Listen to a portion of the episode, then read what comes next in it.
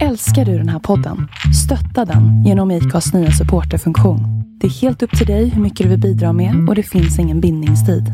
Klicka på länken i poddbeskrivningen för att visa din uppskattning och stötta podden.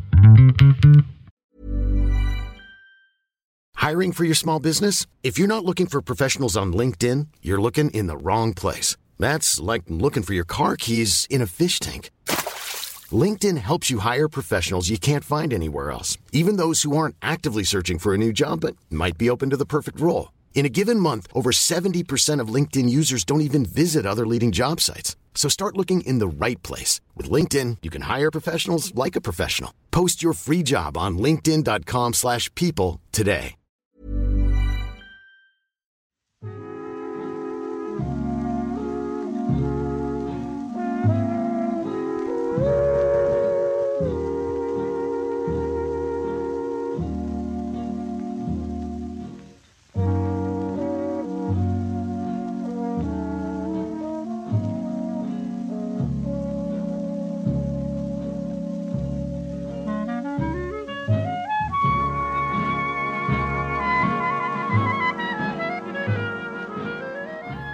Eh, Jag läste en meme. Vet du vad meme är? Mimers brunn vet du vad det är? Ja, men eh, inte det. Utan en meme är ju en, en bild med en rolig text. Eh, eller en viktig text eller så som delas på i sociala medier. Ja, jag är ju inte där. Nej. Någon gång i mitt liv. Eh, därav frågan om du visste vad det var. Ja, det är svaret är förstås nej. Men Ja. jag vet vad Mimers brunn är, men det kan vi ta sen. Ja, precis. Eh, det vet jag också vad det är. Eh, I alla fall, då finns det en sida på eh, Facebook som heter eh, I Love Finland eller någonting sånt där. Som delar såna här fina bilder från Finland. Till exempel att det finns en, en sjö i Finland som är, är formad precis som landet Finland. Till exempel. Sådana roliga saker. Och sen igår kom det upp en grej Eh, som det stod ungefär så här. Eh, Some people try to be awesome. Other people are, are born Finnish. och då, då delade jag den och då fick den ju massor med likes och sådär. Ja. Och sen började mina släktingar dela den också. Som jag har på Facebook. Och det tyckte jag var... Jag blev lite glad. Ja, ja, ja, ja. Och det, när de, alltså, ta en, en månad, två månader tillbaka så delade jag ju massvis med så här intressanta grejer. Nu har jag bara börjat dela såna här finska. Jag har blivit så väldigt patriotisk när det gäller Finland. Så att det, och då ska man ju veta att jag har ju aldrig bott där. Eh, och eh, bortsett från en resa till Åbo så var det länge sedan jag var där. Liksom. Ja, eh, men eh, nu kan man ju då svara som vilken orienterare som helst. Ränderna går aldrig ur och du vet allt det där va. Men det är inte det. Utan nu ska du istället inte bara vara glad över och uppskatta ditt etniska, genetiska, ditt hävdvunna arv. Utan du ska, som du gör alltså, trigga igång lite grann och gasa på lite. Det tycker jag nog. Det, när du säger det där så påminner det om en helt fjärran historia som jag hörde av en släkting till mig i Amerika. Född i USA av svenska föräldrar, föräldrar från Myresjö, Landsbro, småländska. Hon var väldigt småländsk hela hon. Det var någon kusin till min pappa så det är ganska avlägset. Men jag träffade henne och hennes man och, och de eh, jag bodde där ett tag. Det var mycket trevligt. Så hade de då ganska nyligen kommit tillbaka till Amerika ifrån Turkiet. Eh, de hade varit där och det, på den här tiden var det inte jättevanligt att amerikaner överhuvudtaget åkte utomlands och det är det faktiskt fortfarande inte. Men de hade varit i Turkiet därför att deras son gjorde en viss militärtjänst i Turkiet på någon amerikansk bas som fanns där och finns där fortfarande. Så då hade man anledning att åka till, till Turkiet. Och han, han var någon överdängare till läkare sen på Dartmouth. Du vet, ett av Ivy League-universiteten. Han har varit här i Tranås för några år sedan. Mycket trevlig. Numera pensionerad. Men då, då var han ung och spänstig och eh, var läkare i Turkiet för amerikanska luft, eh, airbase och någonting. Och då när de var där och gick ut på en restaurang och hade trevligt så kommer det in ett gäng pojkar på restaurangen. Och min pappas kusin, Olga hette hon, hon bara går igång. Hon kan inte riktigt förklara varför. Nej, vad är det för grabbar? Oh, nej, titta, vad är det för ena? Och hon är tvungen att få reda på vad det är för De sitter alltså en bit bort ifrån de själva i restaurangen. Någonstans i Ankara eller vad det kan ha varit.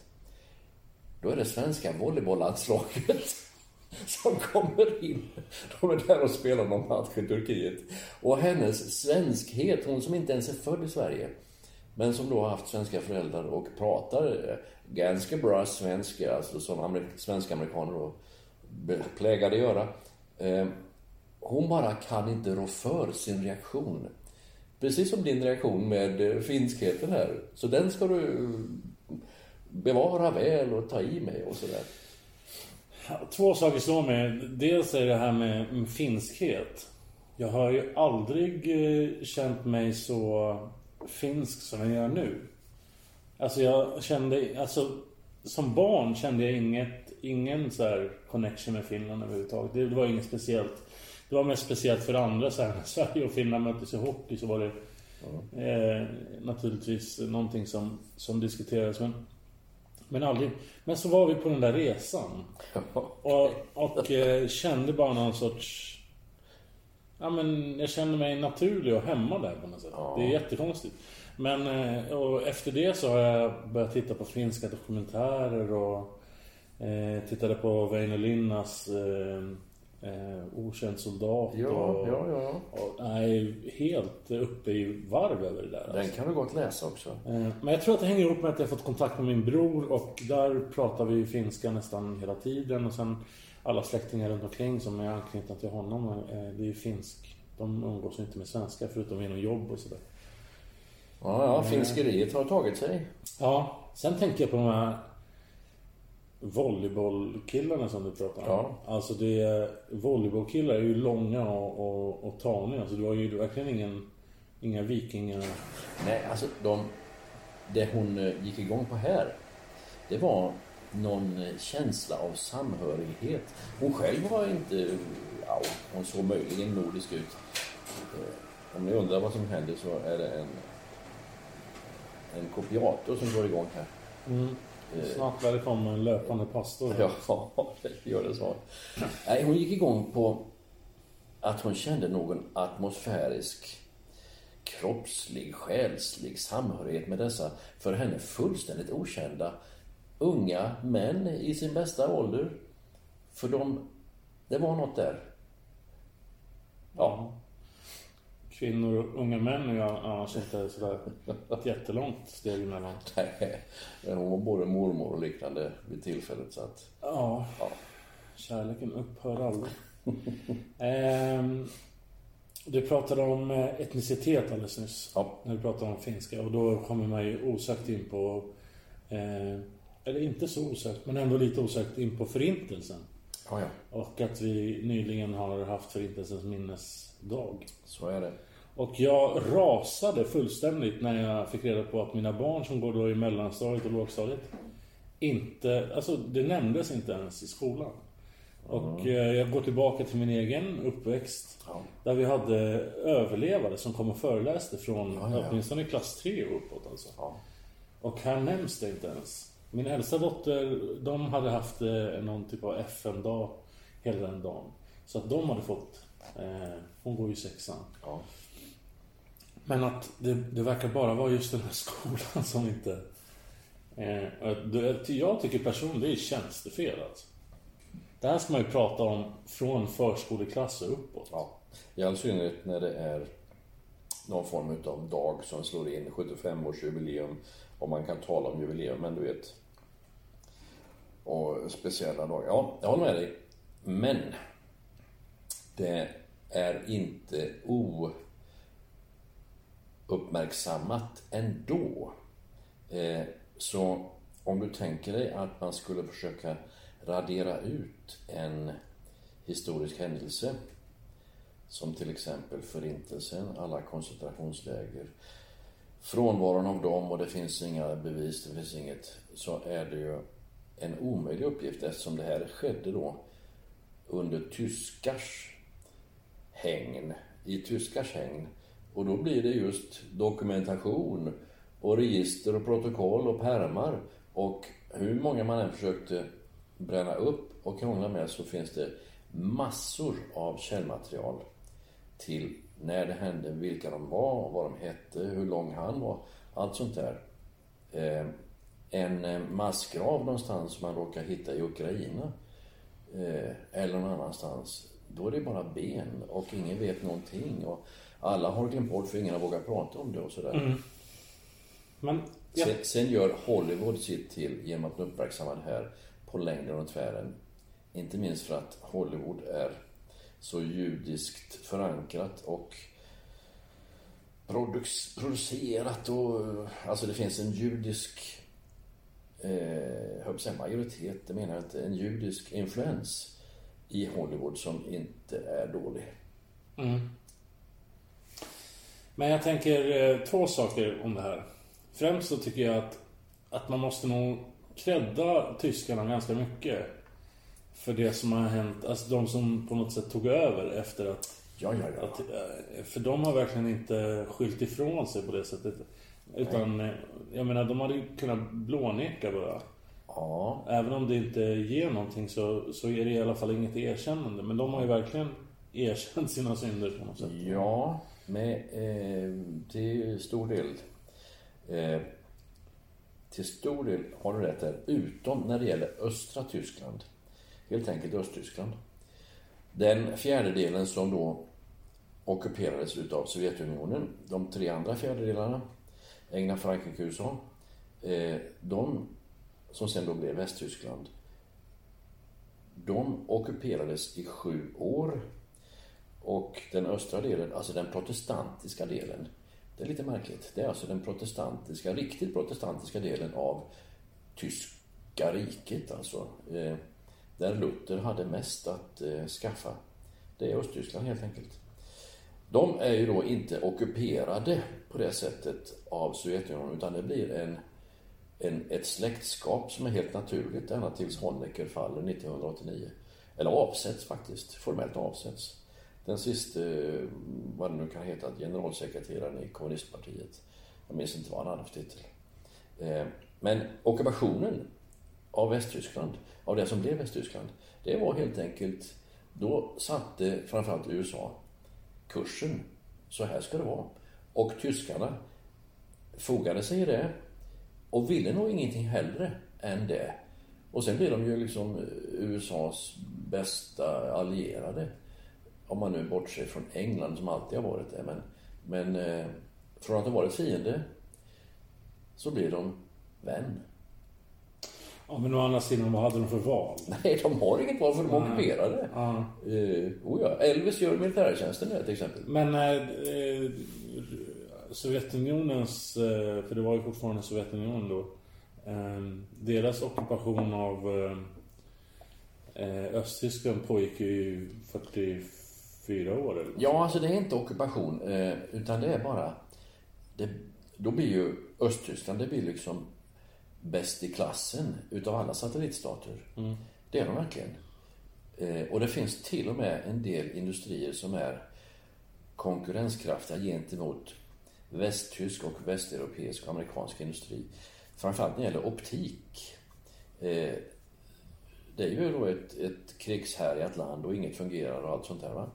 Efter 1945. Men de kommer på benen det är någonting som heter Marshallhjälpen. Det är alltså, handlar om miljarder dollar som då används bara för att bygga upp Västtyskland. Eh, men även Östtyskland blir rejält uppbyggt. Eh, med hjälp av Sovjetunionen naturligtvis. Och inom optiken där så, Lennart Nilsson, den stora fotografen Lennart Nilsson, har östtyska linser, objekt, objektiv. Och eh, när han gör sina fantastiska bilder och filmer i människokroppen och kring människokroppen. Men... Eh, Eh, skulle du säga att det berodde på kalla kriget som, som den eh, gränsen var så hårt bevakad? Ja, ja, ja. Det är klart. Uteslutande? Enbart. Och sen när eh, Sovjetunionen började krackelera eh, så, så började också på något sätt kalla kriget att krackelera. Ja, ja, ja. Det där går relativt snabbt. November 89 händer allting. Och det händer det lite märkligt där också, för att det är också protestantism. Jag är ju inte någon vän av Luther, fast det är jag ju naturligtvis eftersom jag är född i Sverige. Så måste jag ju erkänna Luthers betydelse. Eh, men protestantismen, protestantiska människor, oberoende av ifall de tror på Gud eller inte, hur dumt låter inte det? Eh, de som är uppvuxna och har gått i skola och lärt sig och allt det där, som vi svenskar, som alla danskar, som alla i norra Tyskland, det är alltså inklusive Väst, Östtyskland, de låter sig inte riktigt hunsas på samma sätt. Eh, för här finns då ett anslag till det som man skulle kunna kalla för fritt tänkande. Att man köper inte allt man hör. Så när muren då faller, då faller ju muren alltså i Berlin, det är verkligen bokstavligen. Men det har redan börjat ske i Ungern, i den protestantiska delen av Ungern, i en stad som heter Timisoara. Eh, där börjar protester. Och förstås i, i Berlin. Eh, och i Berlin så är det en protestantisk kyrka eh, faktiskt det börjar. Och då får, från Ungern får man åka tåg utan gränskontroll in i Österrike. Och folk åker ju tåg den veckan bara för att de får. Eh, och de står och skriker och hänger ut genom fönstren. Här kommer vi och sådär. Eh, så där börjar egentligen hela nedmonteringen. Som då är färdig i stort sett två år senare när Öst och Västtyskland blir Tyskland. Men eh, det påminner lite grann om Gorbatjov och eh, taxibilarna och frisörerna ja, ja. där. Ja. Jo, han, han är ju den som startar. Det, det är mm. faktiskt han som är orsaken till... Men det börjar i det lilla och man tänker att det här är ju ingenting. Ja. Men sen eskalerar det i ja, sån otrolig fart på något sätt att, att eh, man, man, man, alltså man, man släpper lite grann på, på eh, svångremmen och helt plötsligt tappar man kontrollen över. Så ja, känns det. Eh, känner du till räddaren i Harlem? Nej. Nu är det inte Harlem i, på Manhattan. Eh, utan original Harlem. Det uttalas säkert Harlem eller något sånt där med krångel. Det ligger i Holland. Och New York hette ju New Amsterdam först. Så mm. holländarna var först där. Därför heter det fortfarande Harlem i, på Manhattan. Räddaren i Harlem är en liten pojke. Och så här säger historien, då har man börjat bygga, kommit ganska långt i det mycket protestantiska Holland. Mycket protestantiskt idag. Mm. Eh, man har börjat bygga en vall mot havet. För att man är då... Det nyckfulla havet som kommer och går eh, förstör ju allting för holländarna. Redan då, tätt befolkat område, var ett mycket litet område eh, som Holland fortfarande är. Som Nederländerna fortfarande är. Ehm, då har man börjat bygga den där muren eller vallen. Och så är det en liten pojke som är där och går med sina får eller getter eller vad han nu kan göra. Han kanske bara är där och, och leker. Han får se att det börjar sippra vatten ur den där vallen. Och han tittar på det en stund. Och sen så tänker han, det där var inte bra. För nu är hålet lite större. Så då stoppar han in sin tumme eller delar av sin hand för att hindra vattnet. Och sen sitter han där tills han blir upphittad. Det tar en halv natt eller en halv dag. Han sitter alltså länge och räddar vallen, muren, från att inifrån, från en litet vattenflöde som bara droppar, bilda då, eh, låta vattnet, låta havet eh, göra så att det här hålet växer och förstöra vallen.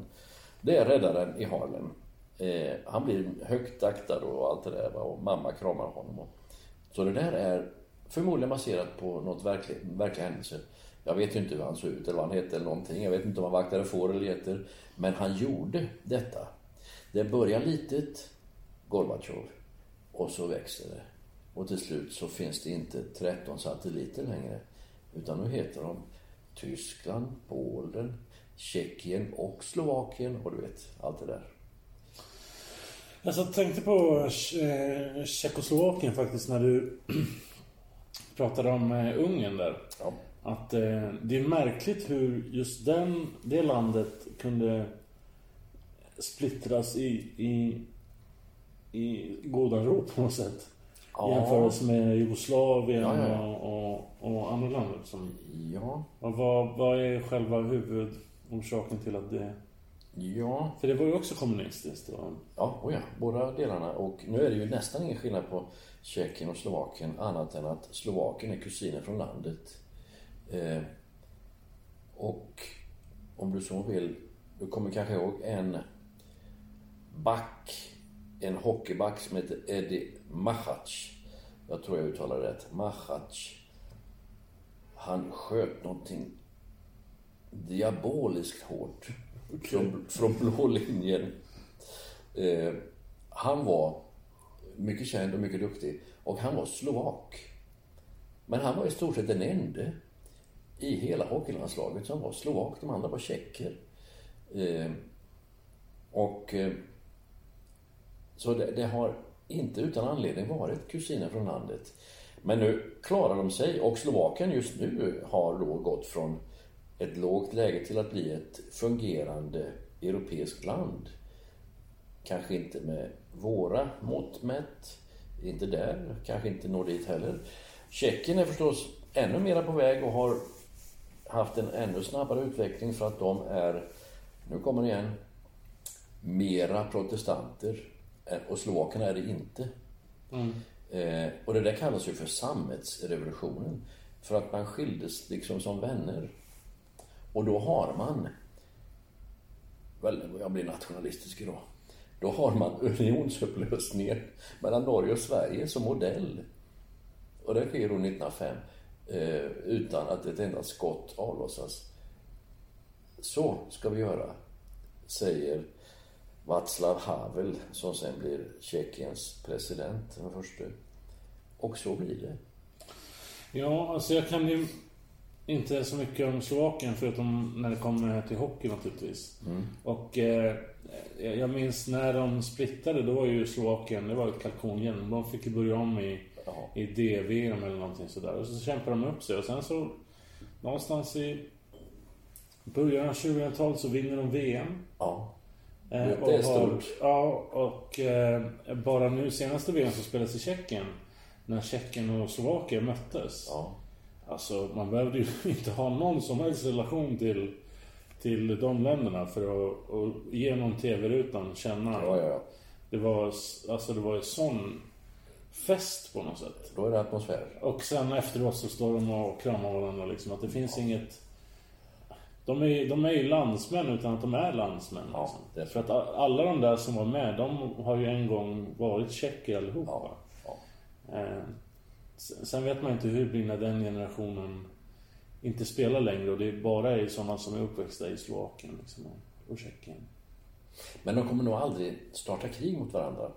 I Jugoslavien, som då var sju republiker som inte kunde hålla ihop annat än under en mycket stark och sträng hand. Nämligen Titos. Tito var kroat och satt i Serbien i Belgrad och styrde.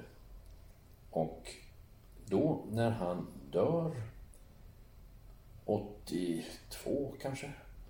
Ja, jag vet, jag vet. år. Ja.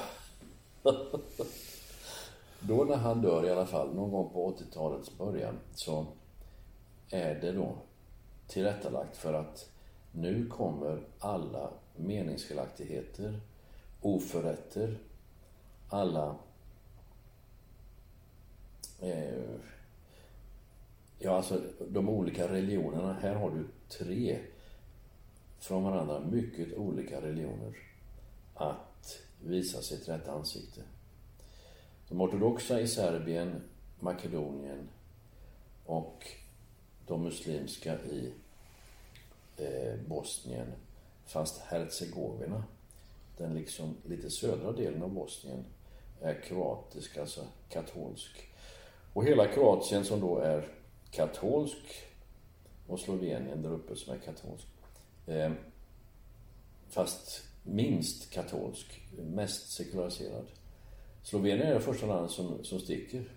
Och då kommer armén direkt, den serbiskt dominerade armén, och blir tillbaka eh, knuffade. Alltså de, de kommer inte in. De kommer alltså inte att kunna dominera Slovenien. Så det är ett inbördeskrig som tar fem veckor och sen inte mer. Sen kommer då Kroatien med god hjälp av deras storebror som är Tyskland. Hans Dietrich Genscher som är utrikesminister åker efter någon vecka när Kroatien har utropat sig ensidigt till egen stat. Då åker han dit och går och spatserar och låter sig fotograferas och skakar hand och allt det där. Nu har de Tyskland i ryggen. Eh, och därmed så eh, är de på säker mark, tror de. Men det blir ändå ett långvarigt gräsligt krig. Serbien mot Kroatien. Och så kommer då det värsta kriget som är i Bosnien. Eh, som gör att vi får hur många bosnier som helst hit till Sverige. Som har inlemmats och fungerar och som både du och jag känner och sådär. Ja. Eh, och även då Bosnien kroater, de kommer något senare. Eh, som alltså inte är muslimer. Här var det fråga om muslimer med liten bokstav och med stor bokstav. Eh, om man var muslim i passet, i deras alltså, papper. Och om man var muslim så var man det med liten bokstav. Det betyder att man tillhörde den religionen och var utövande muslim. Med stor bokstav så var det att man då var etnisk muslim. Du behöver inte ens tro på Gud. Alla minst tro på Allah. Du var muslim ändå. Ja, alltså jag, jag kommer ihåg när jag pluggade upp i Härnösand. Då fanns det otroligt mycket kroater där. Ja, ja. Eh, inte så mycket Bosnien. Ja, du menar muslimer alltså? Ja, Bosniska ja, muslimer? Ja, nej men alltså de som klassar sig själva som bosnier, de andra klassar sig själva som kroater. Ja, oh ja. Eh, Från samma land, men i alla fall. ja, men eh, väldigt viktigt för dem. Ja, ja, ja. ja. Eh, däremot när jag kommer hit så är det otroligt mycket bosnier. Muslimska bosnier liksom. De, de var... Och inte minst de här romerna som, som bor i mitt område. Det är ju av muslimsk Ja, ja, ja. Totalt. Men romer funkar nog inte riktigt på ett diagnostiserbart sätt. Om du har romer i Spanien så är de snarare pingstvänner än katoliker. Mm. Eh, Det finns faktiskt en ganska stor andel pingstvänner i södra Spanien bland romerna. Och att det finns överhuvudtaget pingstvänner i ett katolskt land är ju ganska ovanligt. Om romerna bor i ett muslimskt dominerat land så blir de muslimer. Och bor de då i Serbien så är de ortodoxa. De är vad det blir. Men eh, Och är alltså inte särskilt eh, inifrån och ut. Utom när det gäller en sak. Falukorv. ja, eller hur? Nej, Men det har du ju lite erfarenhet av. Ja, verkligen. Men det, det, det jag tänker är att eh, de bosnier som finns här i vår... De uppfattar man ju inte som muslimer. Nej, hon är. Utan eh, de är acklimatiserar sig väl i Sverige. Ja, ja, ja. Och de ser ut som svenskar, europeer eller i största allmänhet. Men jag tänker också att om det där kriget inte hade utbrutit så hade, eller utbrutit så hade Anna Lindh varit vid liv. Ja, för det var ju... Mihailovic, han var ju då serb som var här Ja. av krigsskäl. I Södertälje. I Södertälje dessutom. Ja, i Hovsjö. Oj du, känner du honom, på att säga. Nej, men jag har träffat honom däremot. Eh, och sen så eh, eh, var ju faktiskt min pappa hans första kontaktperson på rättspsyk han Oj, blev dömd. det var det värsta. Eh, har ju absolut ingenting med mig att göra. Jo, en hel del för att det är intressant. Ja, men eh, det var ju inte som att min far eh, berättade någonting. Nej, det är klart. Utan... Men kopplingen eh, finns där. Ja, precis. Och det är ju inte... För att de har ju rätt till en person som liksom är utanför vårdsystemet. Att liksom ha kontakt med omvärlden.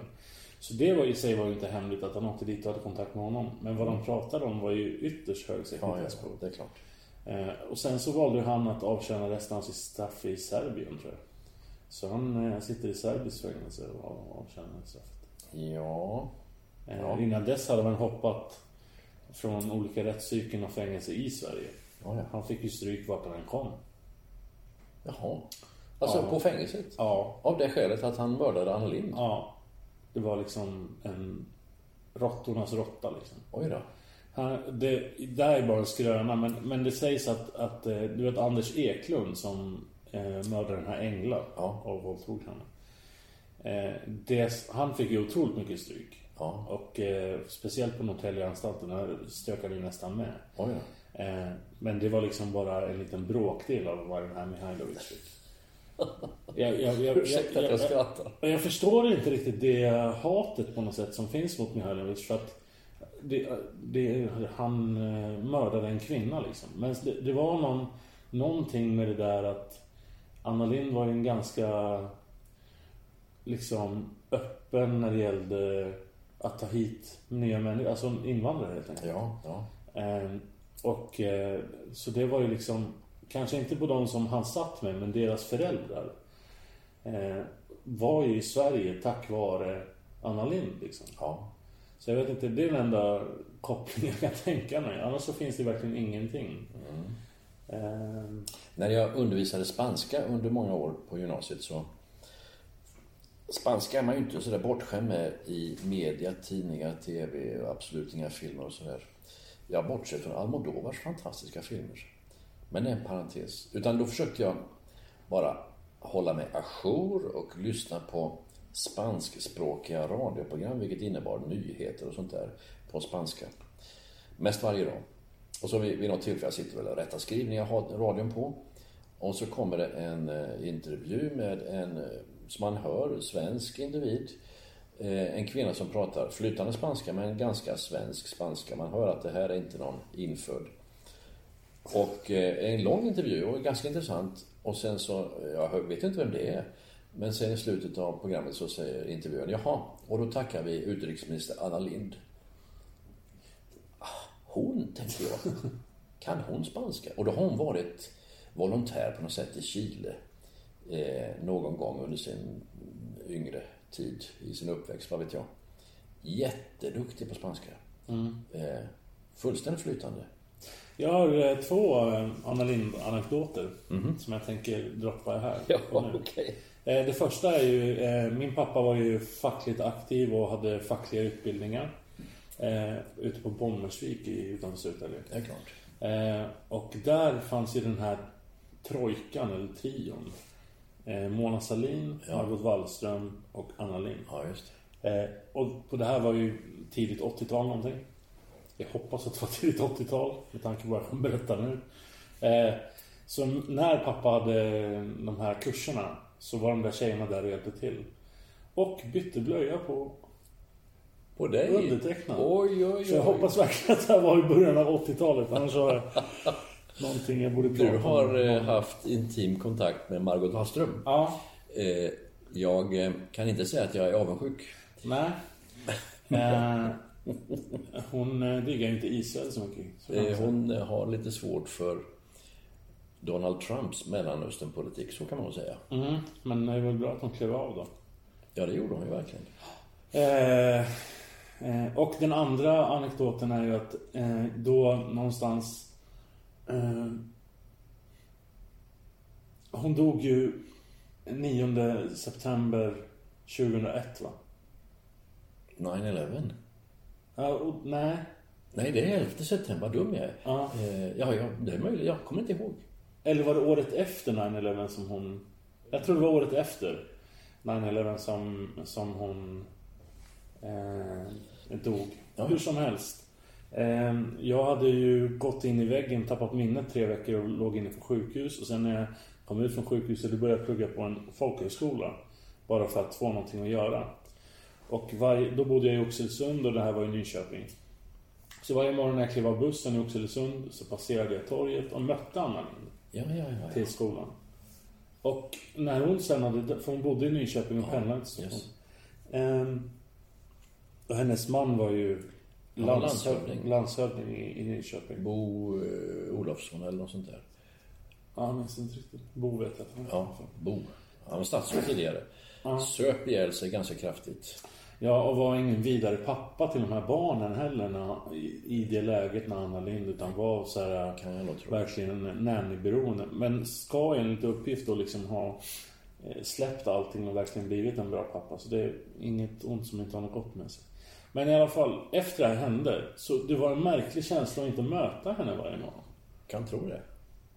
Det var liksom eh, dagliga rutiner och bara det där, bara jag tänker på det där så blir jag lite sorgsen liksom för att det...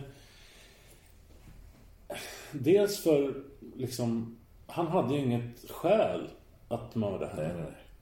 Utan det var som att han sprang på ett statsråd och han kände igen henne och hade någon psykotisk episod och liksom bara högg ihjäl henne. Han kunde ju ha mött Göran Persson, det hade varit bättre. Eh, det kan du inte säga. Eh, och alla pensionärer i hela Sverige vill ha med Ja, saken. kanske. Eh, så, det, så det är verkligen... Jag tror ju inte på slumpen, men där kan man ju verkligen ta till den tesen om man nu tror på den. Ja. Att, att hon dog av slumpen. Liksom. Ja. Lustigt det där. Och en eh, som utrikesminister, erkänd utrikesminister. Verkligen. Eh, fast det visste man inte då för man var inte så där med i de där svängarna. Men, Nej, men det, efteråt. det är många som, including Mar- Margot Wallström, som har fantastisk renommé utomlands. Ja. Eh, Kanske inte Mona Sahlin så mycket. Nej. Eh, hon gillar choklad däremot. Det är också en kvalitet i livet som man bör unna sig. Ja. Eh, eh, nej men både eh, Wallström och eh, eh, Anna Lind och sen den här, vad hette hon, folkpartisten där som var EU-kommissionär? Cecilia... Malmström. Ja, också en kvinna. Och sen den här andra liberalen, Birgitta Olsson. Ja. Också fantastiskt renommé utomlands. Det är bara i Sverige de får skit liksom. Ja. Men liksom... Men där har du ett gäng kvinnor, möjligen Mona Sahlin undantagen, som har levererat. Mm. Det tror jag. Och då kan man ju i slutet av den här podden på något sätt knyta tillbaka till Finland. Som nu har en regering Ja, ja, ja, där alla höga poster innehas av kvinnor. Ja, Finland går i bräschen. Men det, du kan sträcka på det ytterligare för att när vi får allmän rösträtt 1918 med påföljande val 1921, alltså det är från 21 som kvinnor får rösta i Sverige, så har Finland från 1907 allmän rösträtt inklusive då alltså att kvinnor får rösta. Mm. Men jag tror att jag... Jag ska inte säga att jag ska rätta dig, men jag, jag ska säga en sak som jag läste häromdagen bara, när jag läste om modernismen. Ja. Eh, eh, Fredrika Bremer Ja. var ju den som liksom gick i bräschen redan 1880. Ja, ja, ja. Eh, Ännu tidigare faktiskt. Eh, ja, så kanske det var. Eh, men hon ordnar ju så att kvinnor som inte är gifta blir myndigförklarade. Och sen nästa etapp i det är då 1921 när, när kvinnor får rösträtt i Sverige. Alltså, det, man känner sig dum när man gått igenom livet och inte läst den storyn om Fredrika Bremer, Victoria Benediktsson, eh, eh, Ellen Key eh, och eh, vad heter hon då? Ja men Selma Lagerlöf Ja, ja. och alla de här. Eh, sen kan man ju tycka så här att, ja men som Selma Lagerlöf då, lite dåligt så här eftersmak i munnen när man läser att hon typ gillade Rasbiologiska institutet. Tyckte det var bra. Nej, men hade hon eh, må ha haft ett och annat emot sig som man upptäcker nu eller som man möjligen vågar skriva nu. Men även hon har levererat. Nu finns det en liten eh, bisats till din eh, Kvinnor blir myndiga trots att de inte är gifta replik där. Eh, för när de gifte sig, då blev de omyndiga. Fram till 1921. Ja, precis. Och eh, det finns en del, en del saker där som är lite besvärliga om man nu har sådana problem. En, eh, en mycket rik, eh, någon trolle, vaktmästare eller något liknande, änka i Skåne på Lyckås slott. Inte det största slottet, men ett fint slott i Skåne. med stora ägor. Hon, hon var sambo. Kan du tänka dig? Det kan man vara inom adeln eh, också naturligtvis. Men det är lite ovanligt. Hon var sambo med landshövdingen i Malmöhus län på den tiden. Han hette Gösta Netzén. Och hon kunde inte gifta sig. För då hade hon förlorat slottet. Ja. Alltså alla ägor. Jag, jag kom på ett namn som jag glömde när vi rabblade upp alla de här. Eh, och det är ju, eh, jag tror hon heter Elin Wägner. Elin Wägner, oh ja. Eh, Medlem i akademin. ja, tyckte att, eh, eller som jag i alla fall uppfattade när jag läste om henne, att hon tyckte att de andra var lite för extrema. Ja, hon är väl den vänligaste utav dem. Ja, och, och engagerar sig mycket för pacificism och... Ja. Och det är ju alltså under första världskrigstid. Eh, så första världskriget, som är ett mycket manligt krig. Det är ju alla krig, men kanske väldigt manligt, första världskriget. Då är hon igång. Och, Och tycker typ om kvinnor hade fått vara med och bestämma så hade det inte varit något krig. ja, Och det är kanske inte helt fel. helt fel är ju så självklart så att eh, det är nästan ointressant. Eh, för så är det. Ja, vilket talar för att Finland inte kommer gå in i något krig. Ja, men kvinnlig försvarsminister och sådär. Jag vet inte om Elisabeth Rehn är det nu eller... Nej, men hon var, hon var den första kvinnliga försvarsministern i världen. Mm. Sen kom Janet Reno och, och company. Ja. Men det där är ju mycket Finland idag. Ja, Mycket protestantiskt idag. ja jo, men så är det. Ibland, ibland behöver man en sån finsk podd. Det har vi inte haft sen Åbo. Ja, men då satt vi ju i Finland. Ja, Det är ju inte så konstigt. fast det kändes också mycket Sverige på något sätt. Ja. Jag, jag kan fortfarande inte smälta den här episoden när jag försöker beställa på kaféet i Finland på finska och sen så börjar du prata svenska med henne. Och så svarar hon på klockren svenska liksom. Ja, mycket trevlig kvinna. Ja. Jag, jag känner ett visst hat emot henne. Men, Nej, nej, nej. nej, men hon såg ju hur svårt det var. Och? Och kunde ju onekligen, alltså hon måste ha fattat att vi var svenskar. Ja, Hon kunde bara ha alltså. sagt så här, "Men du kan beställa på svenska också. Nu har jag bara en liten eh, sån där känsla efter vår ett dygn långa resa till Åbo och tillbaka. Längre var det inte. Det var bara trevliga människor vi träffade. Det var bara trevligt. Och vi hade ändå regnet emot oss och dåliga kommunikationer och Ja. mycket krångel och kallt och eländigt. Men det var ändå bara trevligt. Ja.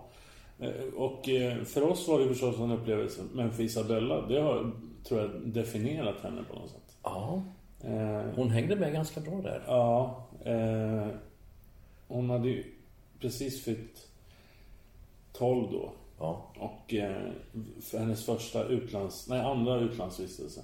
ja. Eh, och eh, flera gånger efter det så har det kommit upp i olika samtalsämnen så. Eh, och framförallt då när vi var och hälsade på min bror när det är extra mycket finska så, så pratar hon ofta om det där. Och det... Det, det är inte ofta hon gör sådana saker. Att liksom... Hon är ganska eh, cool på det sättet. Att hon pratar inte om personliga saker. Men just det där verkar ha gjort ett... Väl använd tid. Väl använd tid. Och eh, jag gjorde något liknande på höstlovet. En och en halv dag lång tripp till Göteborg. Till min syster som bor där. Och det var vår dotter, den nummer sex alltså, som är 14. Och hon visste inte vad hon ville göra. Och kan vi inte göra någonting? Och pappa, mamma vill inte, men kan inte du? Och så där vidare. Ja, vi åker väl till Göteborg, till Kerstin. Och så gjorde vi det. Och hade ett, ett effektivt dygn med späckat med upplevelser. Det bara blev så. Men var det inte också någon dansworkshop? Jo, hon hade någon dansworkshop som inte blev av och det visste vi innan vi åkte. Eh, men istället gick vi på en fantastisk musikal på Göteborgsoperan som hette Oliver. Och eh, sen gick vi på Botaniska trädgården och vi såg köttätande växter. Det var till och med en liten utställning med guidad tur över köttätande växter. Hur intressant som helst. Varpå i ett angränsande rum i denna jättestora, eh, detta jättestora växthus så sitter det en jazzorkester och spelar lite soft. Och eh, ja, det, det var en upplevelse som heter duga.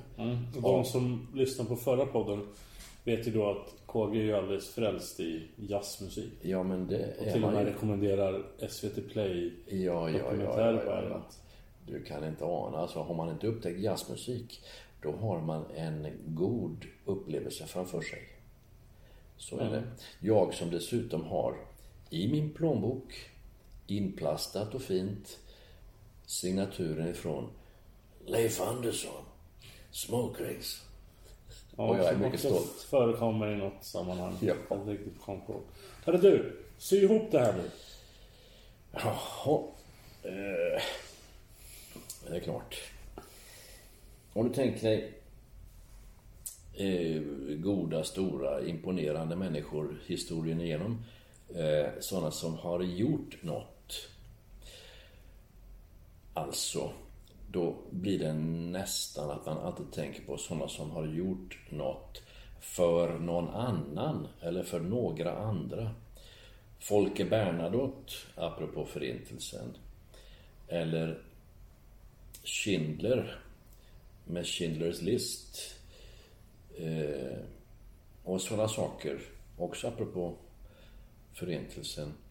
När det finns sådana som utan egen vinning altruistiskt gör det de gör och har en drivkraft så kan man tänka sig att man själv ingenting gör. Och jag kan inte och jag är lite för blyg och det är inte riktigt min läggning och jag är för gammal eller jag är för ung eller det där vågar jag aldrig.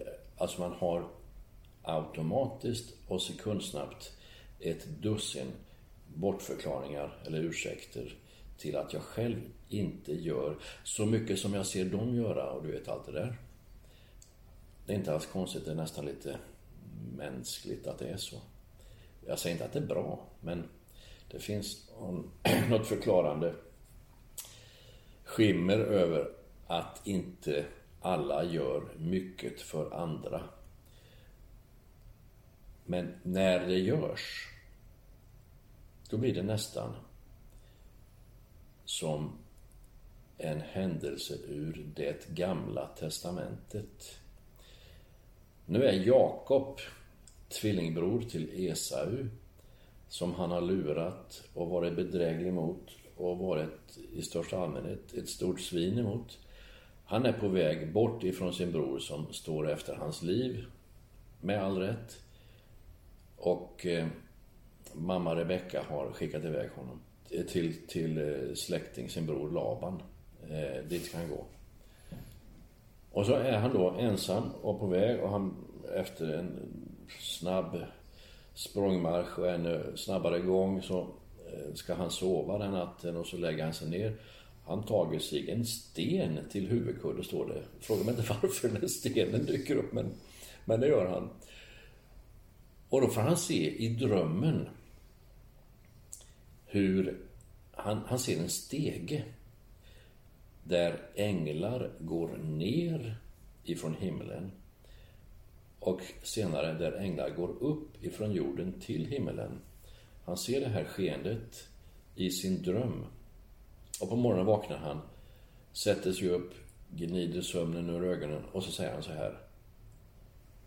Här var verkligen Herren och jag visste det inte alls. Herren var verkligen här och jag visste det inte. Alltså den platsen.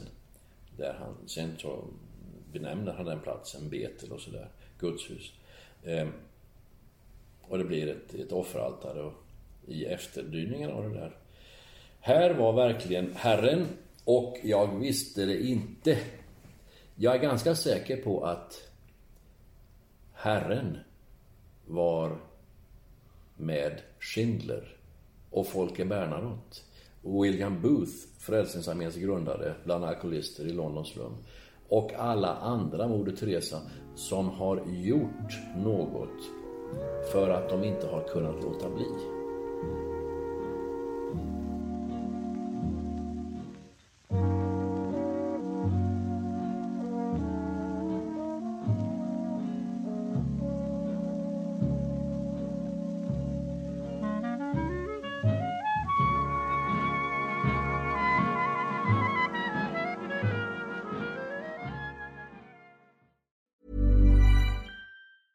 Planning for your next trip? Elevate your travel style with Quince. Quince has all the jet setting essentials you'll want for your next getaway, like European linen, premium luggage options, buttery soft Italian leather bags, and so much more. And it's all priced at 50 to 80% less than similar brands. Plus, Quince only works with factories that use safe and ethical manufacturing practices. Pack your bags with high-quality essentials you'll be wearing for vacations to come with Quince. Go to quince.com slash trip for free shipping and 365-day returns.